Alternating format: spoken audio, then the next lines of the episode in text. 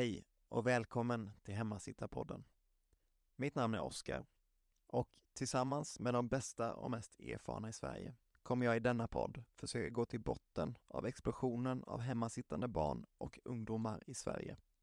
Mitt mål med podden är att skapa en buffé av information där allt från föräldrar som aldrig hört begreppet hemmasittare till lärare som jobbat med det i 30 år kan hitta tips och få inspiration. Det här är podden jag önskar fanns för tio år sedan när jag behövde hjälp och stöd. Hoppas att den kan ge dig vad du behöver. Är KBT den bästa metoden för att få tillbaka barn till skolan? Är det skillnad på flickor och pojkar med autism? Hur kommer det sig att problematisk skolfrånvaro fortfarande ökar i Sverige? Detta och så mycket mer kommer du att få svar på i dagens avsnitt. Maria Bühler har varit psykolog i 20 år och valt att fokusera på de barnen som inte beter sig som eh, textboken sa att de skulle göra. Hon har otroligt mycket erfarenhet och kloka tankar om mycket. Detta är ett samtal du inte vill missa. Innan vi sätter igång vill jag bara påminna om att Hemmasittarpodden finns på Facebook i form av en grupp. För medlemmar till den gruppen kommer det inom en kort framtid komma väldigt mycket spännande saker som jag lovar att ni inte vill missa. Du hittar gruppen enkelt genom att söka på Hemmasittarpodden på Facebook eller om du är som mig och vill ha det så enkelt som möjligt så kan du följa länkarna längst ner i avsnittet.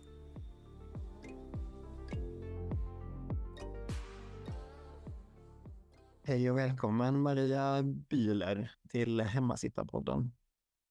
Tack. Jätteroligt att eh, jag sitter här med dig idag. För du är en av de som jag tror har blivit tipsad av allra flest gånger. Du måste ha med henne och jag vill ha med och jag ställer också frågor i en hemmasittargrupp för just föräldrar. Så vissa av dem kommer i alla fall försöka få in det på något sätt. Kanske inte exakt formulering som de sa, men ändå att vi pratar i de ämnena som de vill ha reda på. Speciellt mm. från din erfarenhet. Då. Jag ser mm. väldigt mycket fram emot. Vi går in på det, för de som inte känner dig så väl, skulle du vilja berätta lite om dig själv? Vad, vad gör mm. du idag och lite om din bakgrund? Mm. Jag är psykolog och jag har mottagning i Stockholm. Jag har jobbat som psykolog i ungefär 20 år. Också specialist i neuropsykologi som det heter. Ehm, jobbat då mest med neuropsykiatri. Eller jag har jobbat med det under alla mina 20 år. Så jag jobbar mycket med utredningar, ehm, neuropsykiatriska utredningar och så jobbar jag en hel del med eh, behandling, stödsamtal, både till familjer och till individer som då har diagnoser eller, eller drag av eller funderingar kring det här eh, och vill liksom förstå sig själv bättre. Eh, och sen har jag ganska mycket handledning till olika personalgrupper och eh, skriver lite böcker, så lite blandad verksamhet. Men den röda tråden är ju eh, intresse för neuropsykiatri och jag brukar säga lite annorlunda inlärning och olika former av liksom, problembeteenden kan vi säga i mina intresseområden. Så. Hur kommer det sig att du eh, är så intresserad av just de sakerna?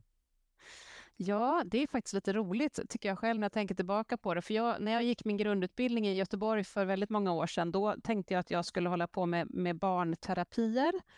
Eh, och eh, ja, man lärde sig ett speciellt material i Göteborg och det var en teoriinriktning som kallas för psykodynamisk inriktning som jag tyckte var väldigt spännande och så.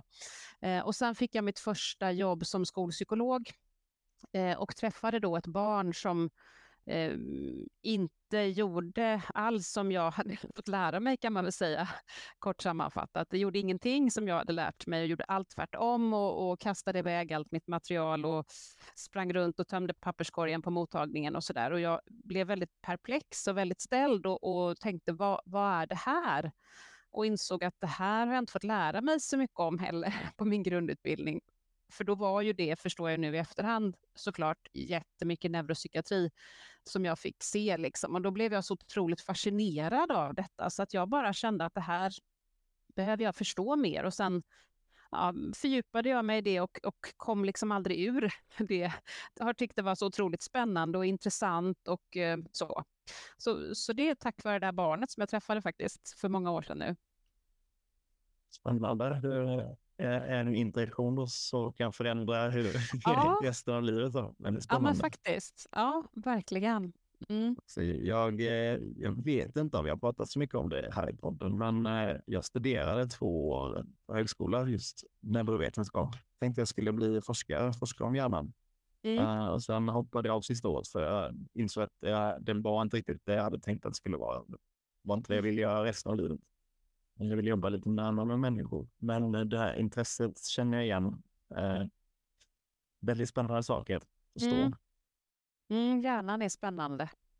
Den är det. Speciellt så, det som du beskriver där när det är någon som inte riktigt beter sig som den, du säger, som den ska göra, eller som textboken säger att så här Mm. ska man göra på det här. Så nej, det här Mm. funkar inte alls. Vad Nej. tänker om lite. Exakt. Mm. Mm. Spännande. Det? Eh, Som jag säger, jag har jättemånga frågor från eh, lyssnare och eh, föräldrar som eh, undrar många saker. Så jag ska försöka få in många saker. Men vi börjar med, eh, eftersom det är nu hemmasittarpodden vi är och pratar vad, eh, det är inte bara en känsla. För några år sedan så var det en känsla. Det kändes som att det blir fler och fler som sitter hemma. Men nu idag kan vi se mer. Det är verkligen så. Det är fler som inte klarar av att komma iväg till skolan. Vad, vad är det från din erfarenhet och ditt perspektiv? Vad beror det på, skulle du säga? Ja, vi, vi skrev den här boken, jag och Anneli Karlsson och Therese Österholm, eh, där vi skrev eh, mycket om vad vi tänkte då. Och då var det ju mycket den här krocken mellan eh, läroplanen, Lgr 2011, och hela den omdaningen av skolan som man gjorde 2011 och liksom krocken med eh, elever med NPF och hur deras hjärna funkar var ju det vi skrev om då i den boken. Och sen har ju det också blivit någonting som som många ändå har lyft upp. Jag vet Kristoffer Gillberg, nestorn inom, inom MPF och neuropsykiatri, han pratar ju också om det, att det finns liksom samband, att som skolan har blivit så, så är det inte riktigt rättvist och utifrån den läroplanen vi har och så där, att det är många, många elever som inte klarar av skolan helt enkelt. Så jag tänker att det är eh, mycket det som hände 2011 faktiskt, vilket ju var en väldigt stor omdaning, inte minst liksom av alla små grupper, barn med autism hade inte längre rätt att gå i särskolan. Nu var kanske inte det helt optimalt för alla heller, men det var ändå en mycket mer skyddad miljö än vad de här barnen kom ut i sen när då väldigt, eller ja, då skulle alla gå i stor klass var ju liksom mantrat och det, det fick ett väldigt högt pris. Så det, så det tänker jag absolut. Nu, nu har man ju försökt att backa bandet och starta nya mindre undervisningsgrupper och sådär, men det, det är fortfarande mycket i skolupplägget som blir väldigt svårt för många elever. Mm. Ja, eh, jag håller med om det. det om du, du nu säger det här, att de försöker backa bandet, är det, är det för lite och för sent? Är det något mer drastiskt som behövs? Vad, vad skulle du, om du fick bestämma, skulle du designa skollagen kanske är lite väl, men alltså hur skulle du designa detta på så att alla fick, det är något de pratar om, Ja, möjlighet i alla fall till den förutsättningarna som de behöver för att klara av skolan. det jag har, har liksom ändå blivit väldigt förvånad över, det är ju till exempel att läroplanen utformas ju väldigt mycket utan inblandning av Eh, liksom, eh, till exempel utvecklingspsykologiskt skolade människor. Eh, som jag har förstått det, nu har inte jag full inblick i vilka som sitter i de här råden, men som jag har förstått det så är det ändå ganska stor brist på kunskap om utvecklingspsykologi och liksom vad man ska uppnå vid olika åldrar och liksom också den stora variationen inom varje ålder. Man behöver ju ha mycket mer kunskap om detta tidigt i skolan. Det, det tänker jag skulle vara en sak eh, som man skulle behöva förändra, för det skulle ju innebära också att man eh, satte in stöd eh, också tidigare, tänker jag, att man var bättre på att fånga upp de här eleverna tidigt och kan sätta in stöd som man ju gör i Finland tydligen mycket mer just liksom i de lägre årskurserna sätter ju de in mycket mera stöd medan vi här i Sverige sätter proportionellt in stödet väldigt mycket senare, typ i årskurs 9 är det ju många elever som då får jättemycket stöd, men då är det ju lite sent liksom. Så, så jag, jag tänker att det skulle behövas mer sån förståelse och liksom att man använder också forskare och liksom personer som har e-, erfarenhet både av utvecklingspsykologi och neurovetenskap som vi pratade om tidigare. Det finns ju jättemycket kunskap där som inte riktigt förvaltas inom skolans värld kan jag tycka då, som själv är liksom rotad i den andra världen. Just det. Jag, jag tänker att det är lite... Ehm, jag kanske ser krasst på det, men inom politiken och den världen.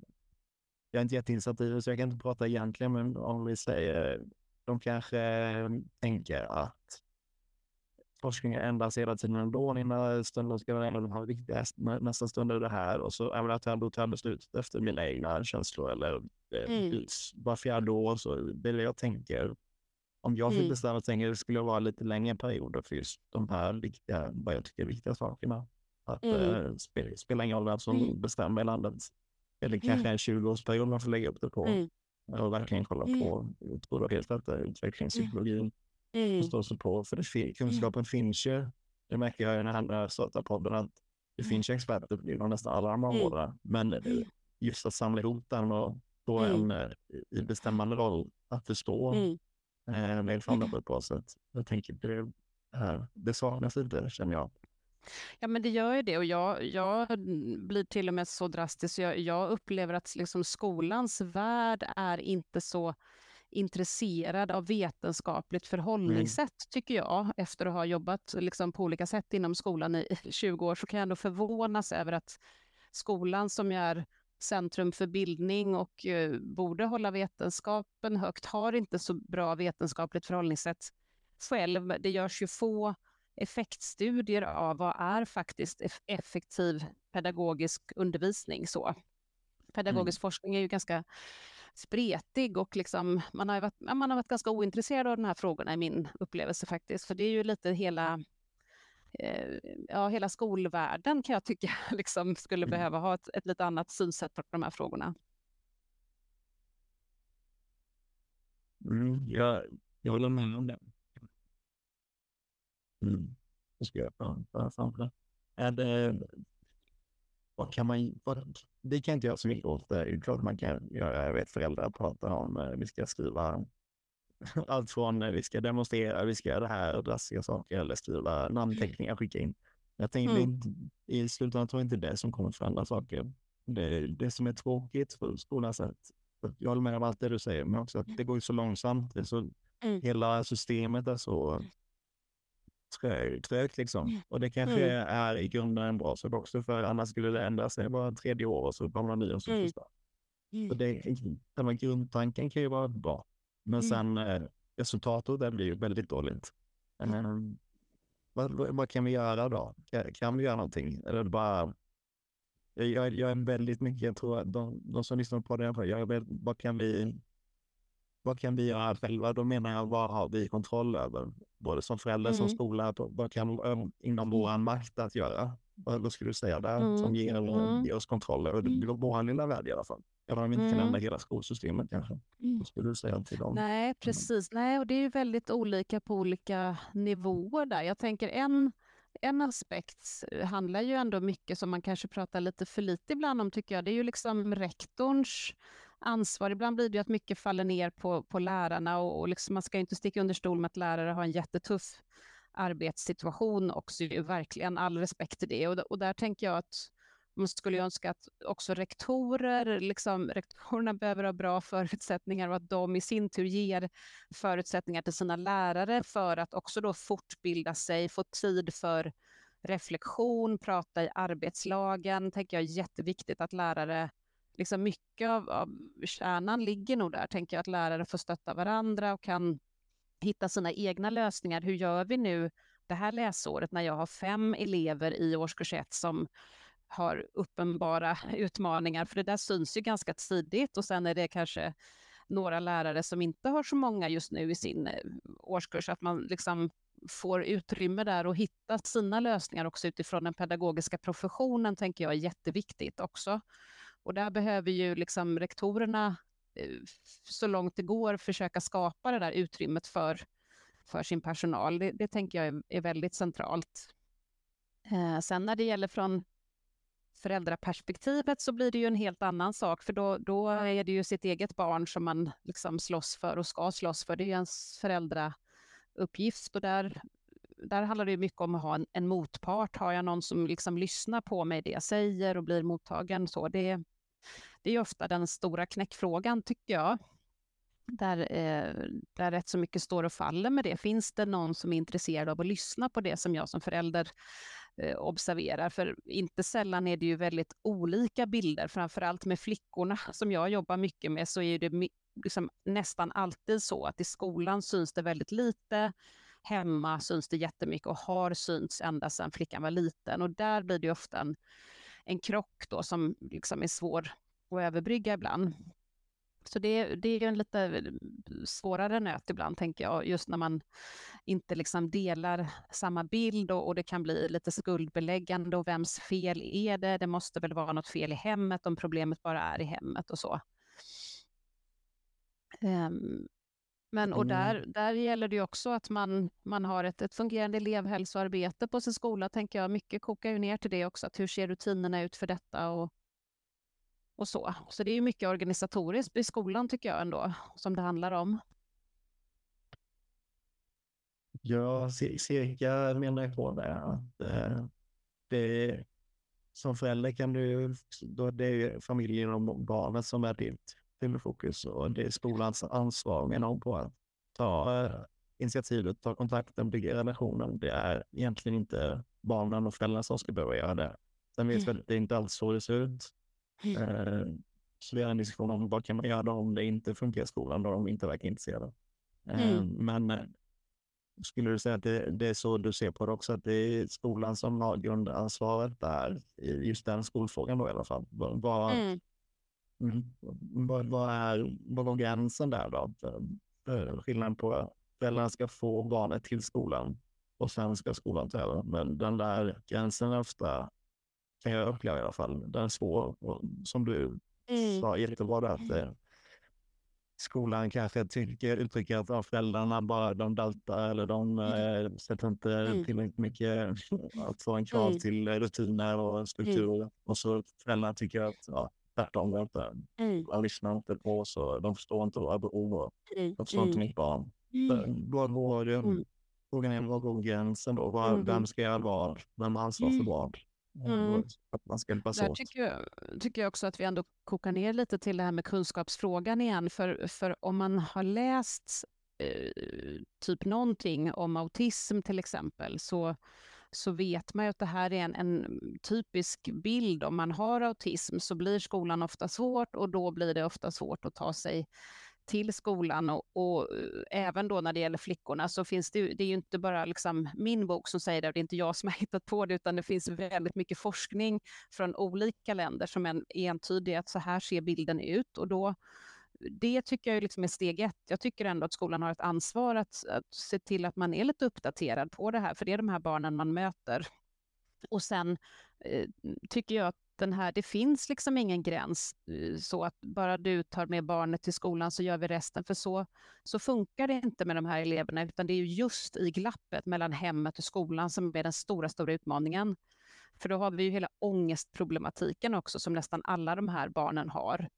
Och hur, hur jobbar man med ångest? Det är, det är liksom väldigt avancerat arbete som jag och mina kollegor sitter och gör och har en femårig universitetsutbildning eh, för att kunna arbeta med. Och det är väldigt höga krav, tycker jag, att lägga det på föräldrar. Att liksom säga att det där får ni lösa, bara ta hit ert barn. Det är ju precis mm. liksom där skon klämmer.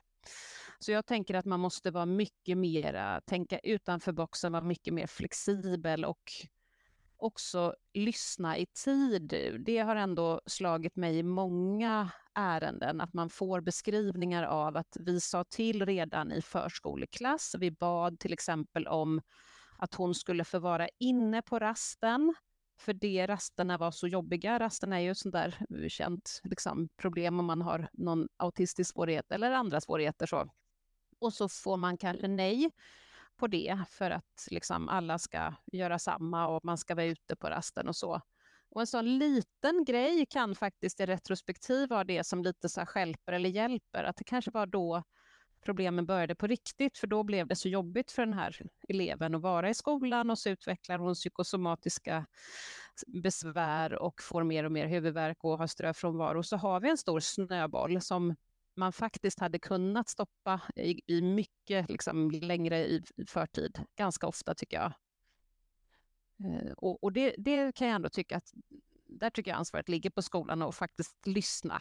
Och, och, och som sagt, det är inga jättekrävande insatser alltid som det handlar om. Det är inte alltid liten undervisningsgrupp eller liksom eh, elevassistent eller så, utan det kan vara just det, få vara inne på rasten, få äta i klassrummet istället för i matsalen kanske, för man är så sensoriskt överkänslig och så vidare.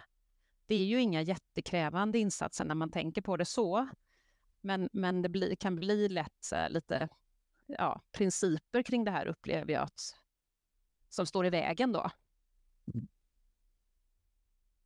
Ja, jag håller med om det. Jag har sett det många gånger också, tyvärr.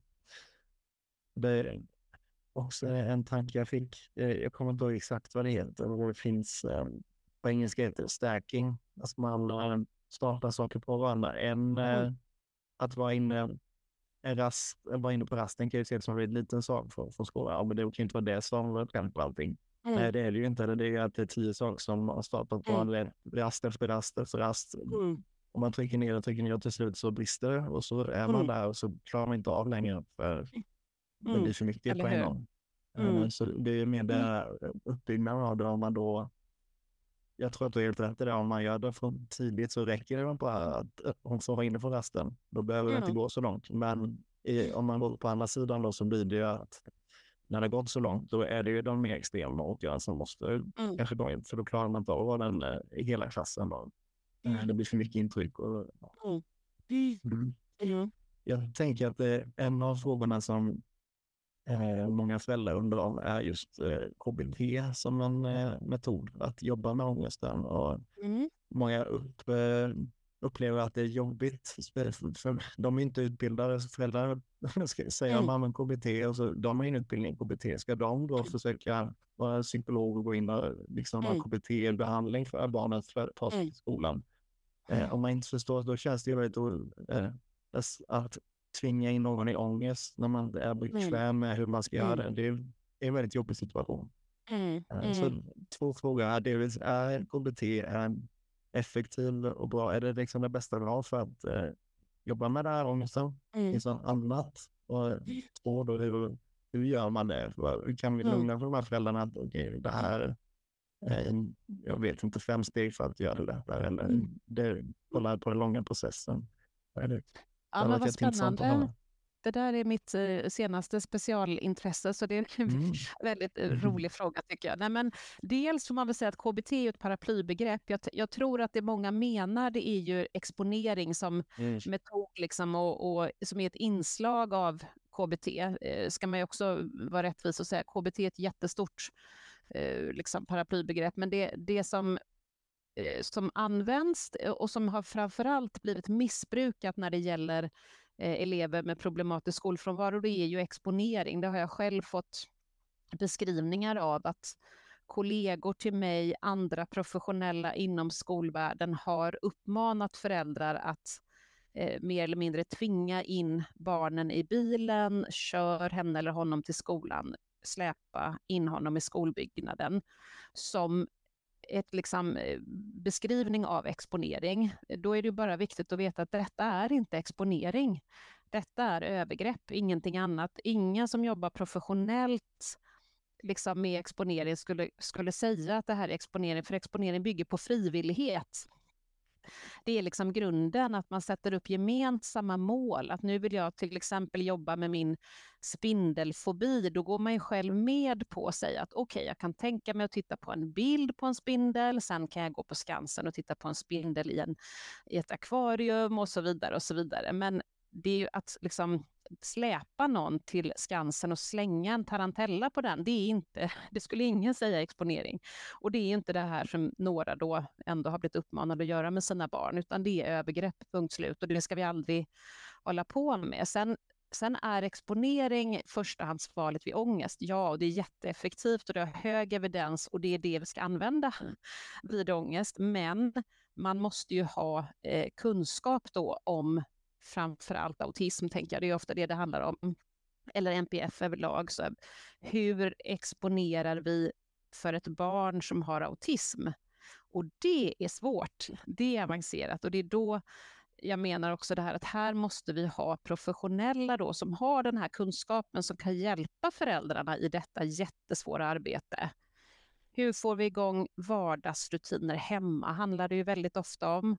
Barnet har, är liksom uppe hela natten, sover hela dagen, äter hemskt oregelbundet, motionerar nästan ingenting. Ofta har ju alla vardagsrutiner brutit samman. Det arbetet för en förälder som dessutom kanske står på gränsen till egen utmattning, själv är traumatiserad av barnets liksom, skolfrånvarohistoria som det ofta är, det är ju enormt höga krav tycker jag vi ställer på föräldrarna där. Och jag tycker vi överger föräldrarna för de får inte så mycket i det här läget upplever jag. Så där behöver det ju till en riktig insats tycker jag med någon form av familjebehandlare, mellanvård eller vilka det nu är som ska jobba med detta som har den här eh, kompetensen. För då är exponering ett kanonverktyg. Jag jobbar mycket med det och ser, ser goda resultat, men man måste ju ha kunskapen då om MPF.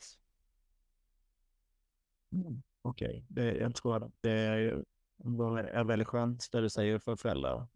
Den uh, känslan de har att de tvingar något som inte känns okej okay, för att någon har sagt mm.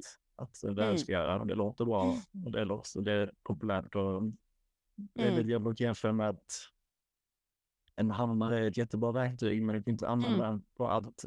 Du kan ha till spik, men om du ska skruva i skruv så är det inte så bra.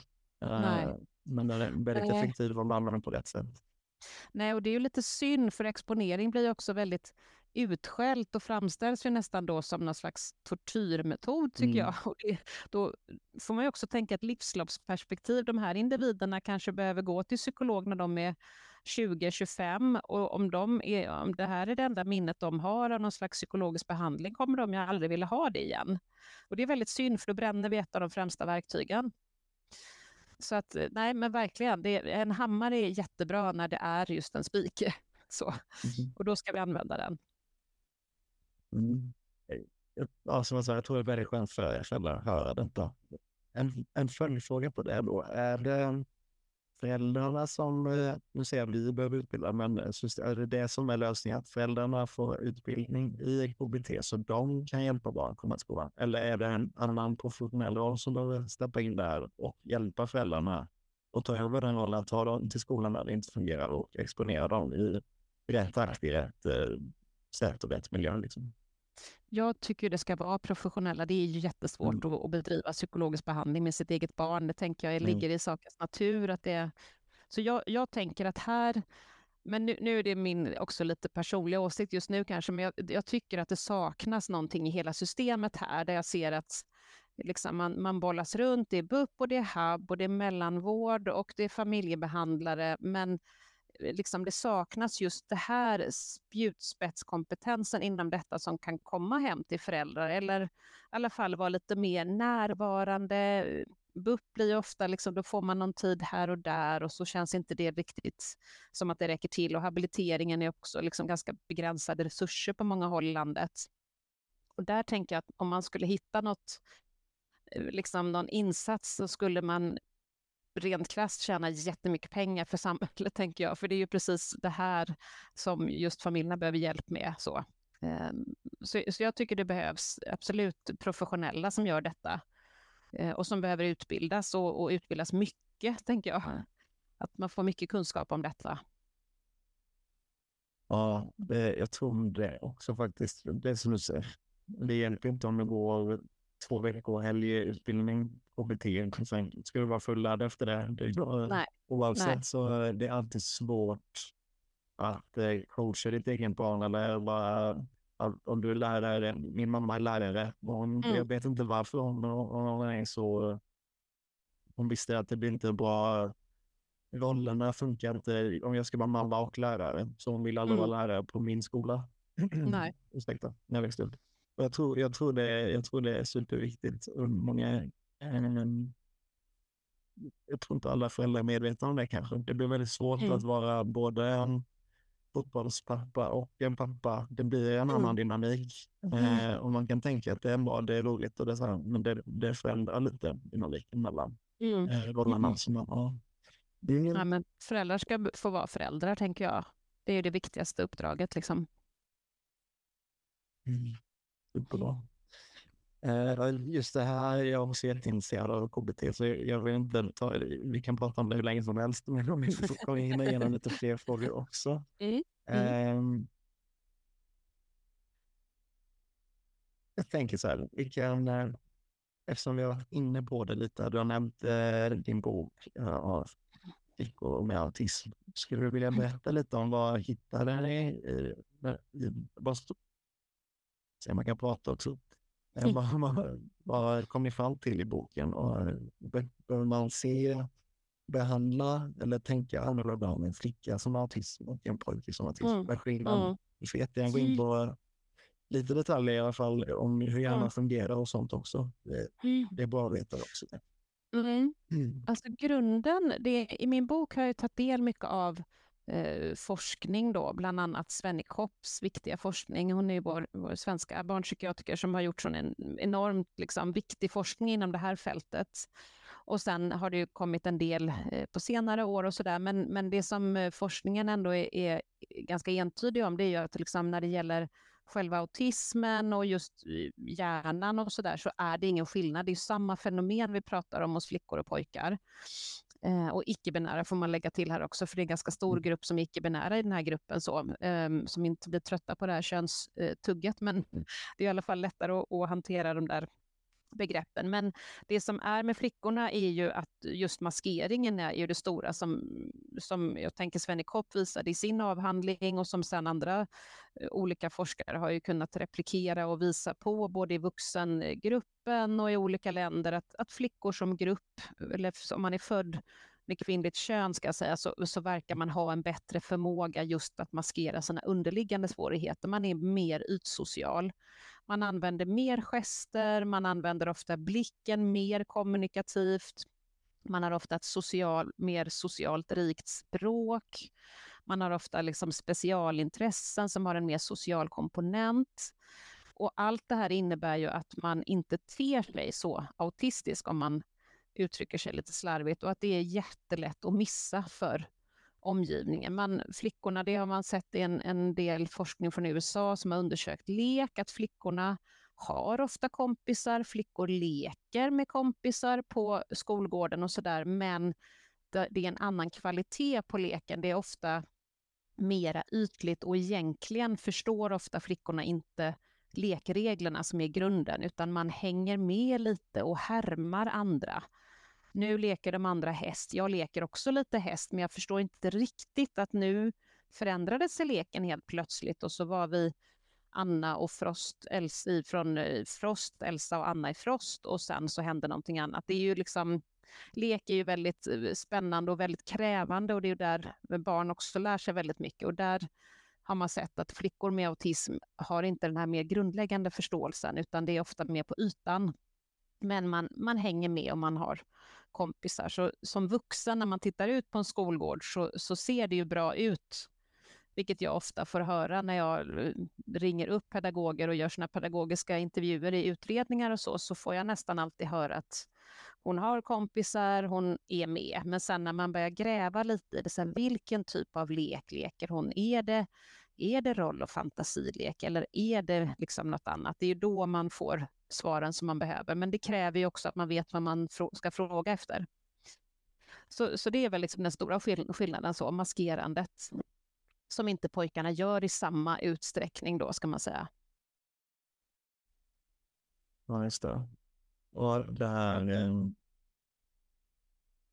de är duktiga på att maskera det. Hur, eh, hur märker man då bara är de tydliga tecknen på, eller det här med leken, att man måste gå in och fråga när man inte kan. Det är kunskapsåtgärder mm. som fattas här då. Hur, mm. Vad ska man leta efter om man är lärare? Mm. mm. Det man ser tecknen för flickorna, eh, det är ju vad som händer hemma, skulle jag säga. Det här eh, energiläckaget, det är där det syns då. För det här, allt jag sa nu precis, det tar jättemycket energi och hela tiden försöka lista ut vad är det de andra leker, hur ska jag hänga med och möta blicken fast jag egentligen tycker ögonkontakt är jättejobbigt och så. Det tar enormt mycket energi och det syns då hemma när flickan kommer hem eller eh, inte sällan när mamma eller pappa kommer och hämtar i hallen på förskolan eller skolan så bryter flickan ihop. Eh, och sen liksom kommer det ut hemma. Så det är ju en kraftig liksom, indikator som man absolut ska lyssna efter, tänker jag. Får man sådana beskrivningar av föräldrar, att varje dag vi hämtar så är hon helt slut och hon bara liksom bråkar och skriker och så, då ska man tänka att det här kan vara NPF. Det behöver inte alltid vara, det finns andra förklaringsmodeller också såklart, men en av många ska absolut vara NPF. Så, så det tänker jag är väl liksom den, den största signalen. Och sen, sen är det ju skolfrånvaron som ofta börjar droppa in för de här tjejerna ganska tidigt utifrån att man är utmattad och trött i skolan. Så kanske det är någon liten ströfrånvaro här, någon dag där. ska man också hålla koll på tidigt. Okej, okay. väldigt intressant. Um, är det, jag tänker här maskering, eller pojkarna har, har de inte förmågan att göra det eller är det bara att de är um, tjejer pratar kanske, de använder mer ord, de är mer sociala mm. i generaliserat såklart. Mm. Men eh, generellt sett så pratar tjejer mer, de är mer sociala, de mer, mm. leker mer sådana lekar. Pojkar är andra lekar liksom. Mm. Um, har inte killarna förmåga då att maskera så det bara mm. rinner över för dem direkt då? Mm. De kan, är det det som är det är ju den stora 100 000 kronors frågan som jag tänker ingen riktigt har 100% svar på. Men det finns ju en del forskning som ändå indikerar att vi har biologiska skillnader på gruppnivå på flickor och pojkar. Att har man ju sett en del sådana saker som ändå talar för att flickor eller personer födda med kvinnligt kön har någon kanske lite större förmåga till empatisering, pratar en del om ehm, empathizing och systemizing pratar Simon Baron Cohen, en, en framstående autismforskare om det. Han menar att på gruppnivå så är män då bättre på systemizing och kvinnor bättre på empathizing. Och det gäller ju även för autistiska eh, män och kvinnor. Och sen är det ju hela socialiseringsprocessen, tänker jag, från att vi föds till att vi blir vuxna, så ställs det ju helt olika krav på män och kvinnor och på flickor och pojkar tidigt. Det har man ju också sett i jättemånga olika studier. Så att det är väl en, en mix av det, tror jag. På liksom grundläggande biologi och sen vad vi socialiseras in i. Just det. Ja, det leder oss lite in på en annan fråga som en förälder skrev. Att uh, om jag har skrivit ner dem, men eh, jag ändrar dem en lite i formulering så jag försöker få med två andra frågor i den också. Mm. Man säger så här. Eh, en del av dem har att eh, han skrev skolor tar på sig uppfostrande ansvar och inom situation tränar barnen istället för att acceptera dem som de är. Eh, det var det han skrev och sen eh, lägger jag till lite här nu. Jag tycker det är en intressant mm. fråga. Eh, är det liksom en, eh, jag tror inte det finns något rätt eller fel här hur ska jag beskriva? Jag tror att det är mer som ett spektrum eller som mm. en, knapp som man vrider på upp lite. Man kan olika nivåer. Eh, mm. Men det är intressant att diskutera vad, i vilken grad ska man förbereda och liksom träna inför säga, framtida livet till vuxenlivet mm. när man ska ha jobb och så. Och vilken, mm. vilken grad ska man bara acceptera, så här är du får lära dig att leva med det här för du har mm. autism och det är det här som är, gäller för dig. Mm. Um, hur skulle mm. du beskriva det här som stöd?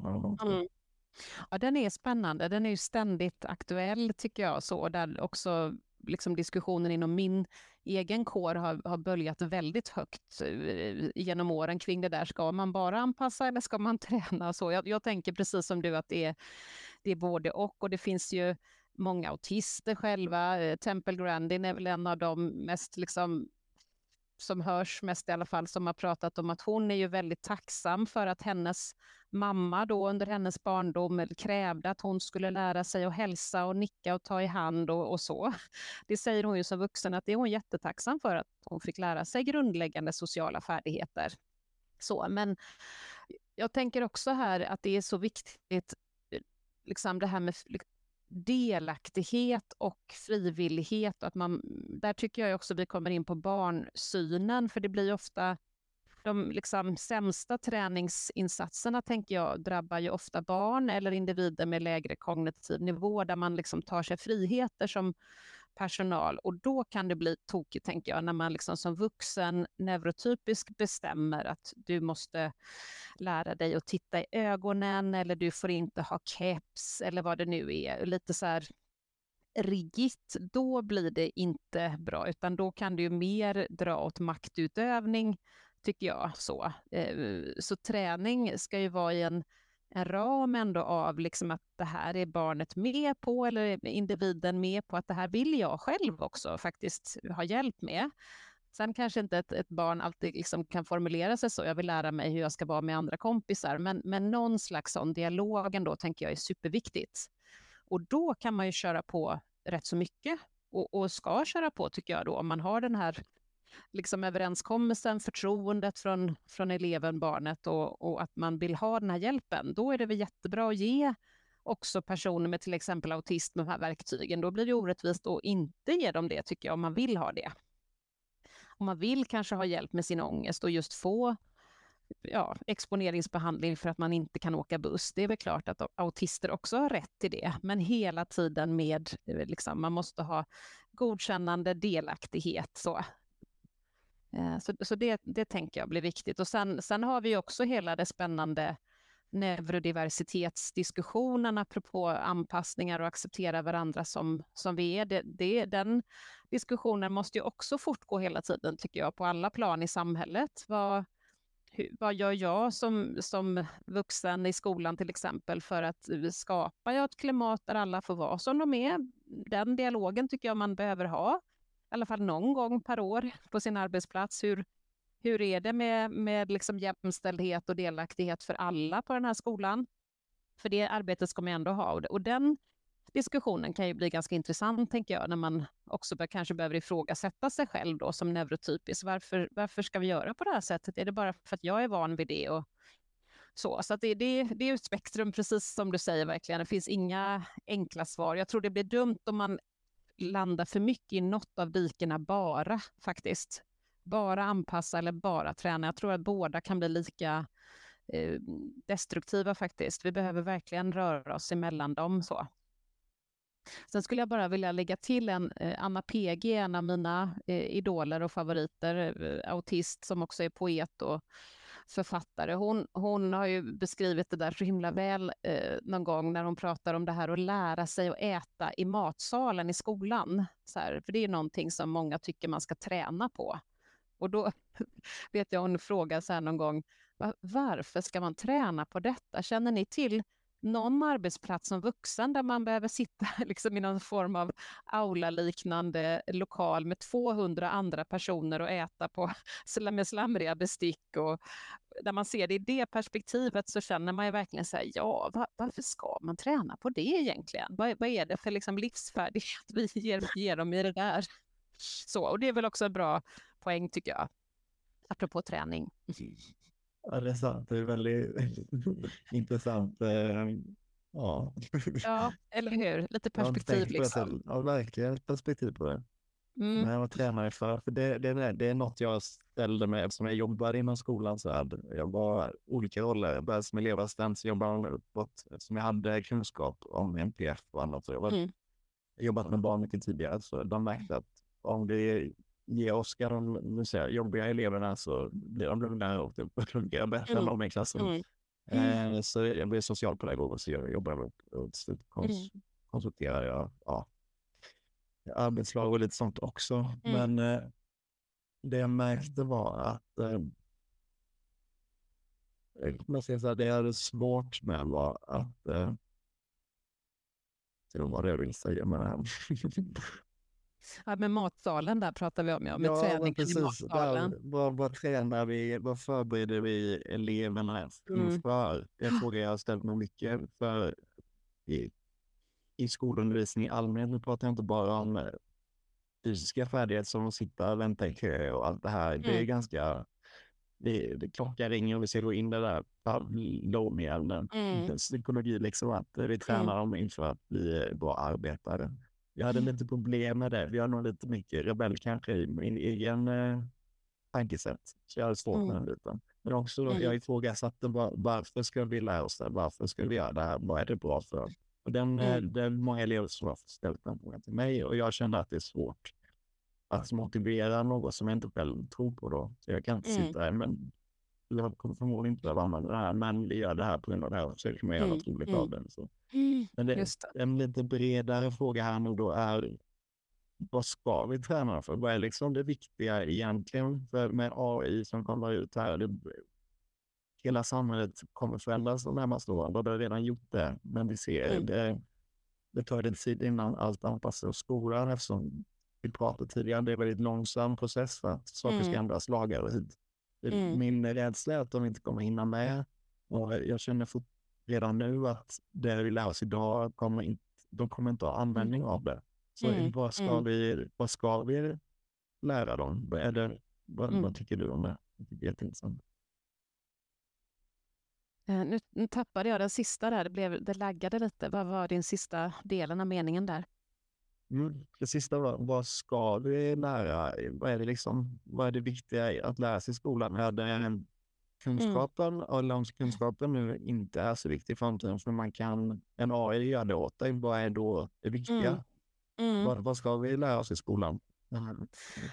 Mm, den, där känner väl jag kanske att jag får passa vidare till. Jag är, jag är trots allt inte pedagog, så jag, jag, jag är väldigt inspirerad av eh, Maria Wiman, tycker jag har ett väldigt sympatiskt synsätt till, till det här med liksom, eh, ja, men, eh, det som kan upplevas som meningslös kunskap och varför ska vi lära oss om kungar och så där. Hon pratar mycket om behovet av liksom, göra skolan meningsfull och, och hon har gjort otroligt fantastiska projekt med sina klasser tydligen där hon ja, lär då, ser till att eleverna lär sig via sitt engagemang då, att de startar massa olika projekt. Och det tänker jag är ett, Eh, ett sympatiskt sätt att förhålla sig till den här utmaningen i att vissa saker är tråkiga och vissa Sen, sen tycker jag, men, men det kanske mer, jag är en person som också då gillar eh, liksom eh, ganska mycket så här gammal kunskap och tycker att bildning är viktigt, men det blir mer kanske en personlig del, men jag, det är svårt att säga, tänker jag. Vad är onödig kunskap om 20 år? Det är, jag läste latin på gymnasiet. Det är ju inte att jag sitter och använder det till dagligdags, men jag är väldigt glad för att jag gjorde det. Jag fick med mig mycket om antikens liksom, kultur och samhällsliv som ändå man kan eh, applicera på rätt så mycket och ha behållning av. Så att den frågan tycker jag är jättesvår och tänker att, eh, som sagt, det, det är nog pedagoger egentligen bättre rustade att svara på. Men när det gäller träning för eh, liksom, personer som jag jobbar med, och personer med NPF, så skulle jag väl också önska att man mer, inte minst i skolans värld, tänkte lite så här livsloppsperspektiv istället för att då uh, låsa sig vid och träna saker som kanske inte är så viktiga som det här med att äta en matsal. Det är faktiskt inte en viktig färdighet egentligen för någon, tänker jag. Och det är många som lider väldigt mycket av att sitta i den här matsalen. Ehm, så li lite tänka så, liksom, att den här individen kommer ju leva hela livet med sin funktionsnedsättning. Vad, en viktig del är ju också att ge liksom, personen, eleven, en känsla av att man klarar av saker. Eh, Att det finns vuxna som man kan anförtro sig till, vuxna som lyssnar på mig, som försöker förstå, även om de inte riktigt kan allting, så försöker man förstå. Sådana saker tänker jag är väldigt viktigt att förmedla. Eh, och, och liksom också kratta, tänker jag, mycket inför kommande. Eh, de här personerna behöver ju ofta stöd av och till. Så där, man kanske har kontakt med psykiatrin som vuxen, man har kontakt med HUB, man kanske behöver ett hjälp med sysselsättning och så. Då, då behöver man ju ha någon slags tro på hela systemet. Så den tänker jag är en viktig aspekt som jag skulle önska att man tänkte på redan från liksom förskoleklass egentligen. Mm. Jättebra tankar. Jag, jag tänker vi, vi går vidare till eh, några mer frågor från föräldrar här innan vi Mm. avslutar. En av dem var, vad är PDA? Och speciellt Mm. hur ser du på det? Eh, Jag tror hon uttrycker sig som att eh, få det mer fäste i Sverige, den idén om PDA. Och vad är din erfarenhet av det? Mm. Mm. Ja, men PDA är ju spännande också. Eh, PDA är ju Pathological Demand Avoidance och i Kristoffer Gillberg och, och Gillberg Centrum har omformulerat det till Extreme Demand Avoidance, EDA, för pathological låter ju lite patologiskt, kan jag hålla med om. Men, men grunden är ju den här kravkänsligheten då som ju Eh, i England eh, anser man det vara en undergrupp till autism att man i England är det en mer formell diagnos, det är det inte i Sverige. Det är ingen liksom, diagnos som har en diagnoskod eller så. Ännu kanske man ska säga, eller så blir det inte det. Det är ju också väldigt mycket som är oklart kring det här begreppet ännu. Och det pågår en del forskning, men det kommer inte ut så mycket, vilket jag personligen tycker är lite frustrerande, för jag har intresserat mig för fenomenet ganska länge och får ganska ofta frågor om detta. Och där skulle man önska att man hade lite mer forskning att luta sig mot, tycker jag. Eh, jag min bild då, av att ha tagit del av en del av forskningen och mött en del av de här personerna, så är min bild att det är ett ovanligt fenomen eh, där just eh, det blir den här enorma kravkänsligheten som också ger enorm ångest. Så beskriver ju liksom, den forskning som finns, så beskriver de att det är det här som är kardinalsymptomet, den här enorma ångesten eh, som också då leder till rätt så mycket kraftigt problemskapande beteende. De som jag har träffat som jag tänker har PDA, då har det varit mycket problemskapande beteende. Så att man, man blir aggressiv och man eh, slåss och, och så utifrån en enorm, enorm kravkänslighet. Eh, sen, sen vet man ju inte om det är så eller om det är vanligare än man liksom, vad vi kanske tror idag. Eh, det jag kan tycka är lite problematiskt som det, diskussionen förs idag, det är väl också att um, det här med kravkänslighet, vad, vad, är det egentligen? Mycket kan ju te sig som kravkänslighet, men det kanske mer är autistisk rigiditet eller eh, autistisk rigiditet och att man är sju år och att man inte vill borsta tänderna.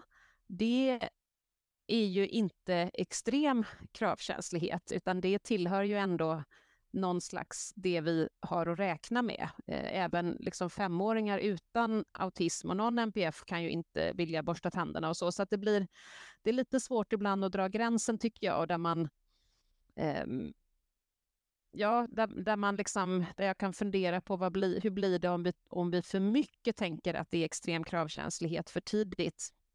För min bild är att det är ovanligt att de personerna som har det måste verkligen få enormt mycket anpassningar. Eh, men, men ibland kanske vi också lite misstolkar annat för PDA. Så, så tänker nog jag just nu, men som sagt, det, det, det, skulle behövas väldigt mycket mer forskning för att man skulle förstå det här lite mer. Eh, jag tänker att vinsten med PDA-begreppet är att eh, det, ibland blir det liksom öppningar, tycker jag, där man har kört fast lite kring en, en del elever och där man mer just kan tänka att ja, men det är kravkänsligheten som är det svåra. Det är därför vi inte når fram i våra liksom, pedagogiska insatser, där man kanske har jobbat utifrån sedvanlig autismpedagogik och så märker man att det här funkar inte riktigt ändå. Kan det vara kravkänsligheten då? Vad händer om vi börjar ta på oss de glasögonen? Så tycker jag att det kan vara användbart. Ehm, så. Så ja, som du hör, jag är lite ambivalent. Ja, men det är jätteintressant.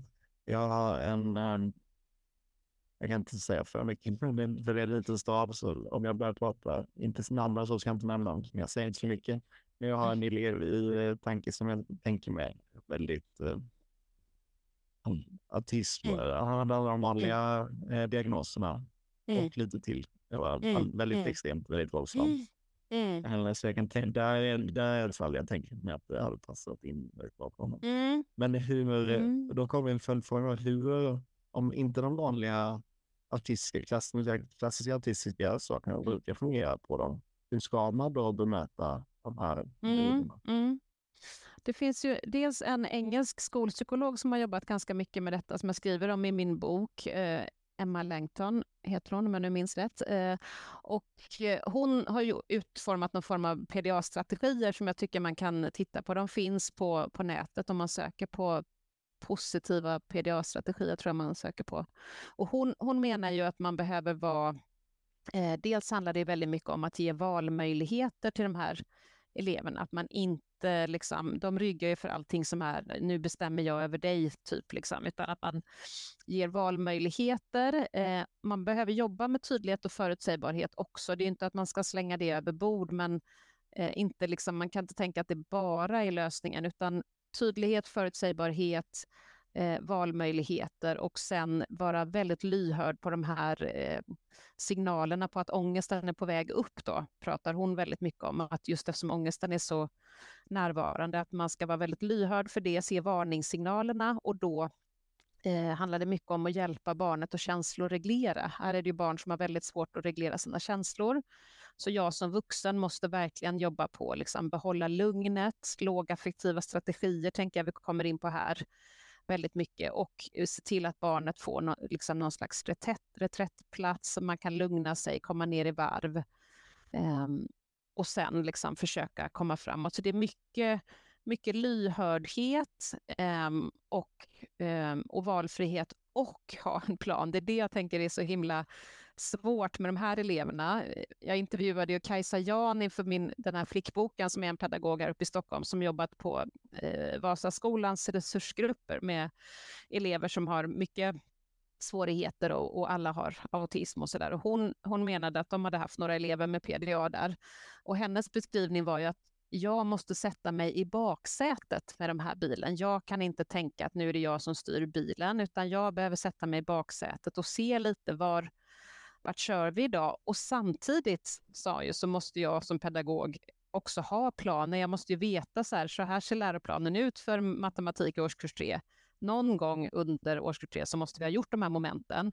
Men jag kan inte säga liksom exakt, nu ska vi göra det här och nu ska vi räkna på det här pappret, utan superflexibel och superstrukturerad, tänker jag. Vilket ju är en jätteutmaning. Ja, det, jag är väl lite konstig. Det, det jobbet jag hade där var det roligaste jag någonsin haft. För varje, ja. varje dag var helt olika. Man kunde ha en bra gameplan in i dagen. Alltså, nej, det går inte idag. Vi får skippa allting och göra det här. Det ja, bara... men då var du väl helt rätt där då. Det, en del har ju det där bara, tänker jag. Och det, det, krävs nog mycket sån fingertoppskänslighet och att man har den där personliga läggningen om man ska jobba med de här barnen. Det tror jag faktiskt. Det är inte alla som passar för det. Nej, jag hade kollegor som gick in i väggen och grundsåg på mm. nätterna. Det var konstanta. Nej. Vad de tyckte det var stressiga miljöer. Jag vet inte vad som kommer hända mm. mest. Liksom. Mm. Vad som helst. Mm. Jag vet, en, jag kanske kan väva in den här i, äh, i en, en, en fråga från en förälder.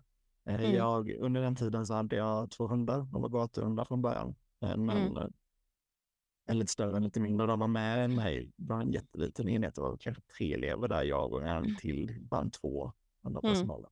Mm. Så vi kunde göra lite som vi själva. Vi hade inga andra elever för oss tillsyn från hundar, hundar med när vi läste. De var inte utbildade pedagoghundar, mm. men de hjälpte till i undervisningen och det funkade väldigt bra på de eleverna. Många mm. hade autism och det var värt det lugnade mm. dem. Vad är din syn på just terapi, om det är något som man kan använda sig mer av, bör använda sig mm. mer av. Vad, är din syn mm. på det? Mm. Det är absolut, det tycker jag verkar jättebra och, och i princip alla, framförallt autister jag träffar verkar ju ha någon, eh, det blir det kanske lite generaliserande, men, men väldigt många jag träffar verkar ju ha någon connection med djur som är Eh, mycket mer oproblematisk och direkt. Och jag har testat med stora hundar inne i testrummet som var det enda sättet att genomföra testning. Så jag, jag tror jättemycket på det. Djur tänk, verkar man väldigt bra brygga, liksom. Att man också känsloreglering tänker jag, vi är inne på det där, att hunden hjälper barnet att känsloreglera och så kanske barnet orkar stå ut lite en stund till. För det här mänskliga, mellanmänskliga eh, liksom kommunikationen och konversationen är ju väldigt krävande när man tänker på det egentligen. Det är så många lager. Och det är röst och det är blick och det är kroppsspråk och allt. Du slipper ju mycket av det där med djur. Så jag, ja, ja, det skulle verkligen eh, behövas mer av. Jag, jag, tycker också man får höra många positiva exempel med elever som har varit hemma länge och som gradvis börjar komma tillbaka, kanske via stallet eller via någon terapihund i skolan. Så. Mm. Mm, också hört det mycket. Ja, superbra. Jag, Jag har en fråga till innan jag ställer min sista. Mm. Nej, två egentligen. Men en som är, det är hur hanterar man autistic burnout? Och vad är det för någonting? Mm. Mm. Också en väldigt spännande fråga just nu, för det är ju så väldigt eh, intressant och börjar komma mer och mer. Autistic burnout har man ju inte gjort så mycket forskning på barn, men en del på vuxna och framförallt liksom frågat eh, vuxna med autism själv, deras upplevelser. Och det liknar ju eh, liksom vanlig utmattning, om man får uttrycka sig så, liknar även depression. Skillnaden då är ju just att man blir utmattad av det här eh, sociala, den här maskeringen som vi pratade om tidigare, att man har hållit på med det så himla länge. Det är ju inte det du blir utmattad av om du liksom har jobbat för mycket eller så, utan det är en, en stor eh, skillnad när det gäller just eh, den autistiska utmattningen, burnout. Och sen läste jag en annan artikel där man också lyfter fram det här gaslightning som man pratar en del om, att du också då dessutom blir aktivt kanske ifrågasatt av eh, din omgivning när du framför dina eh, att du liksom upplever att du har autistiska svårigheter och behöver olika former av stöd och anpassningar så kan du till och med bli aktivt ifrågasatt eh, om detta stämmer och att det blir ytterligare en pålagring liksom, som blir så stressande då, så att en del går in i autistic burnout. Um, och är ju mycket då att man liksom stänger ner. Man blir helt utmattad och hela systemet verkar bli utmattat, blir väldigt sinneskänslig för sinnesintryck uh, och behöver ju liksom verkligen vila och återhämtning. Återhämtning då menar en del är viktigt att man tänker den autistiska återhämtningen som kan ha att göra med specialintressena, stimmingen, inte det sociala som man ju ofta rekommenderar för neurotypiker, att man tar en fika med en kompis och sådär. Det är inte alls det man ska eh, tänka här då, utan den autistiska återhämtningen som man också behöver förstå skiljer sig en del från neurotypisk återhämtning. Okej, okay, så det är är det bara det sociala eller något annat som man behöver tänka på just återhämtningen? Om man då gått så långt som eh, man är ett burnout eh, av de anledningarna.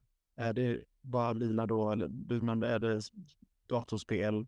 Jag tror också är en fråga som många föräldrar det inte går över allt för långa tider. Men det är intressanta saker att prata om. Men datorspel är en stor diskussion på många håll, både från skolan och föräldrar. Eh, mm, mm. Alltså man kan ha Eh, vi pratar om struktur och, rutiner och så. Mm. Att det, vardagsrutiner är väldigt viktiga och det är ofta mm. när de fallerar så fallerar andra saker också. Mm. Men eh, om man är i den situationen att barnet har mycket ångest mm. och man har ingen som hjälper en med KBT, det menar mm. Eh, exponerings i mm. långsammare mm. takt. Då. Mm. Eh, om man då tar bort spelet som kanske är barnets enda trygghet och enda mm. liksom, återhämtning i den situationen. Mm. Jag var lite utmattad. Mm. Vad händer om man tar bort det då? Då inte mm. ersätter det med något nytt. Det, jag tror mm. många föräldrar känner att det blir inte bra. Då de, de mm. blir påtryckta mm. utifrån att det här, jag borde stänga av internet. Men vad händer då? Vad är konsekvenserna av det? Och de är oroliga för som har varit konsekvensen. Kan du prata mm. lite om det? Ja, men precis, det är den där svåra övergången jag eh, pratade om förut, där till exempel då sluta spela dataspel och eh, göra något annat eller gå utanför huset. Så det, det är ju detta som är det jättesvåra. Det, det jag tycker att man ska eh, börja med och införa det är ju energikartläggningar och man gör det tillsammans med sitt barn. Det tycker jag man kan göra som förälder, för det apropå också livsstrategier, att börja prata om just liksom, hur känns det när du har suttit och spelat sex timmar? Hur känns det i huvudet? Hur känns det i kroppen? Hur känns det om du glömmer att äta, om du inte har druckit, om man inte går på toaletten? Eh, man behöver ju hjälpa de här barnen också med att liksom få en känsla för de här basala grundbehoven som ofta är helt satta ur spel. Eh, så energikartläggning tycker jag är bra. Sen i början tänker jag att det blir väldigt liksom, lite av det. Och så här, vad, vad, vad, ger energi och vad tar energi? Eh, handlar ju det om helt enkelt så. Men, och så får man liksom ta sig framåt den vägen, tänker jag. Så där, att man, okej, okay, nu, nu provade vi detta en liten stund, små, små steg. Eh, jag tänker att man ändå behöver också prata om eh, vikten av rutinerna, vikten av vad händer med kroppen om man inte rör sig alls? Så det vet vi är jätteskadligt faktiskt så för alla. Eh, det händer någonting i hjärnan, det händer någonting med våra kroppar så. Sen får man ju liksom se, tänker jag, och det här är ju föräldrarna experter på, var har du ett barn som eh, liksom, du ser är helt utmattat, som inte, inte nästan orkar äta själv, då kan du inte ta den här föreläsningen, liksom, utan och det är där jag tänker att föräldrar har den där fingertoppskänslan och ser, ofta ser man, liksom, jag tycker jag får sådana beskrivningar, att ja, men han stängde in sig i två månader på rummet och jag ställde brickan utanför dörren och sen en dag så stack han ut huvudet och sa att idag vill jag äta maten framför tvn kanske i vardagsrummet. Så att mm, det där, det där ser man och det, någon slags läkning blir det för i princip alla, tänker jag. Sen, sen kan man behöva hjälpa till, man kan behöva liksom prompta om man ska prata lite KBT-språk, man kan ändå behöva introducera liksom så att eh, ja, försöka eh, helt enkelt få till några slags vardagsrutiner. Men om man har just energikartläggning som bas så tycker jag att det brukar bli en bra väg att ta sig upp för liksom, med små, små myrsteg. Och sen tycker jag att just för de här som har blivit autistic burnout, där, det är väl där verkligen man behöver de professionella som kan komma in i återhämtningsarbetet, för det är jättetufft. Det är liksom vuxna som blir utmattade, får ju ändå någon slags rehabplan och ganska många professionella inblandade då. Det, det skulle behövas lite samma tänk kring de här barnen tycker jag. Mm, och även de vuxna kan inte ha flera år innan de har återhämtat sig. De kan ha ja. Ja. Um, ja. Jobba mm. och det är deltid, heltidssjukskrivna och så. Mm. Det finns ju inte mm. riktigt sjukskrivenhet i skolan. Nej. I åldrar. Det kommer ju senare, Nej. men det är lite samma basis kanske. Och för mycket och vissa saker som inte är bra. Mm. Nej, jag, men precis. Mm. jag, jag, men jag skulle kunna prata om det här i flera timmar. Men äh, då blir det ja. ingen som lyssnar på oss. Jätteintressant. innan, ja, jag ställer, bra mm, frågor. innan jag ställer absolut eh, sista frågan, så vad kan, vad kan man läsa mer om dig? Vad kan man, om man vill ha din hjälp ännu mer? Jag har ju en hemsida, eh, kogita.se, eh, K som är Kalle, O som är Orvar. Jag är tyvärr väldigt uppbokad, ska jag vara väldigt mm. tydlig med, så att jag har mycket begränsade möjligheter att, att hjälpa nya liksom, mm. familjer och så som det ser ut nu. Men jag har också en del kloka kollegor som jag hänvisar till. Och jag har även det på min hemsida under samarbete, så hänvisar jag till eh, kollegor runt om i landet faktiskt, och där får man jättegärna kika. Men annars, ja, min hemsida är det som man kan titta på. Mm. Mm. Så den sista frågan, jag... Eh, jag brukar säga så här, om, jag, om det här pennan är ett magiskt trollspö och jag ger den till dig, så när du viftar med den så händer någonting eh, i världen. Det kan vara vad som helst. Men det, någonting bara händer när du viftar med den. Någonting förändras. Lägger till, tar bort. Eh, vad, vad skulle hända när eh, ditt trollspö blev viftat med? Om jag hade makt och att förändra någonting, liksom, eller? Mm, en, en enda sak, för jag är lite komplicerad. Men verkligen prioritera. Vad är det viktigaste för dig? Vad hade du velat skulle hända? Det var en svår fråga, men jag, jag tänker nog ändå spontant det jag är mest frustrerad över så är det väl att jag tycker mm, den kunskap som som jag har försökt sammanställa i min bok om flickor. Jag tycker den är, det är frustrerande hur långsamt det går att nå ut med den. Jag skulle önska att, eh, att kunskapen nådde ut, eh, både faktiskt bland mina kollegor som håller på med utredningar eh, och eh, inte minst till eh, hela skolvärlden och lärare och sådär, att man förstod allvaret i detta. Framförallt när jag ser de här eh, unga kvinnorna eh, som vuxna sen, som har ofta väldigt mycket psykisk ohälsa i bagaget, då, då kan jag bli jättefrustrerad och, och verkligen tänka vad hade hänt om vi hade upptäckt de här när de var fem eller sex istället. Mm. Och man behöver inte diagnostisera alla, men man skulle kunna jobba utifrån eh, vad behöver de här personerna för att inte bli utbrända, för att inte liksom gå på sina fälgar i så många år. Det, det skulle jag önska. Hoppas ni fick ut lika mycket som jag av detta samtal med Maria. superviktig information, eh, speciellt om flickor med autism. Och eh, jag tror skönt för många att höra att deras känsla om eh, exponering är rätt. Det faktiskt är övergrepp om man inte gör det på rätt sätt. Glöm inte att hoppa in i Hemmasittarpodden på Facebook. Jag kommer snart att släppa nästa steg i min plan att göra den bästa informationen som finns tillgänglig för alla. Du hittar den gruppen genom att söka på Hemmasittarpodden. Tack för idag så hörs vi igen nästa vecka.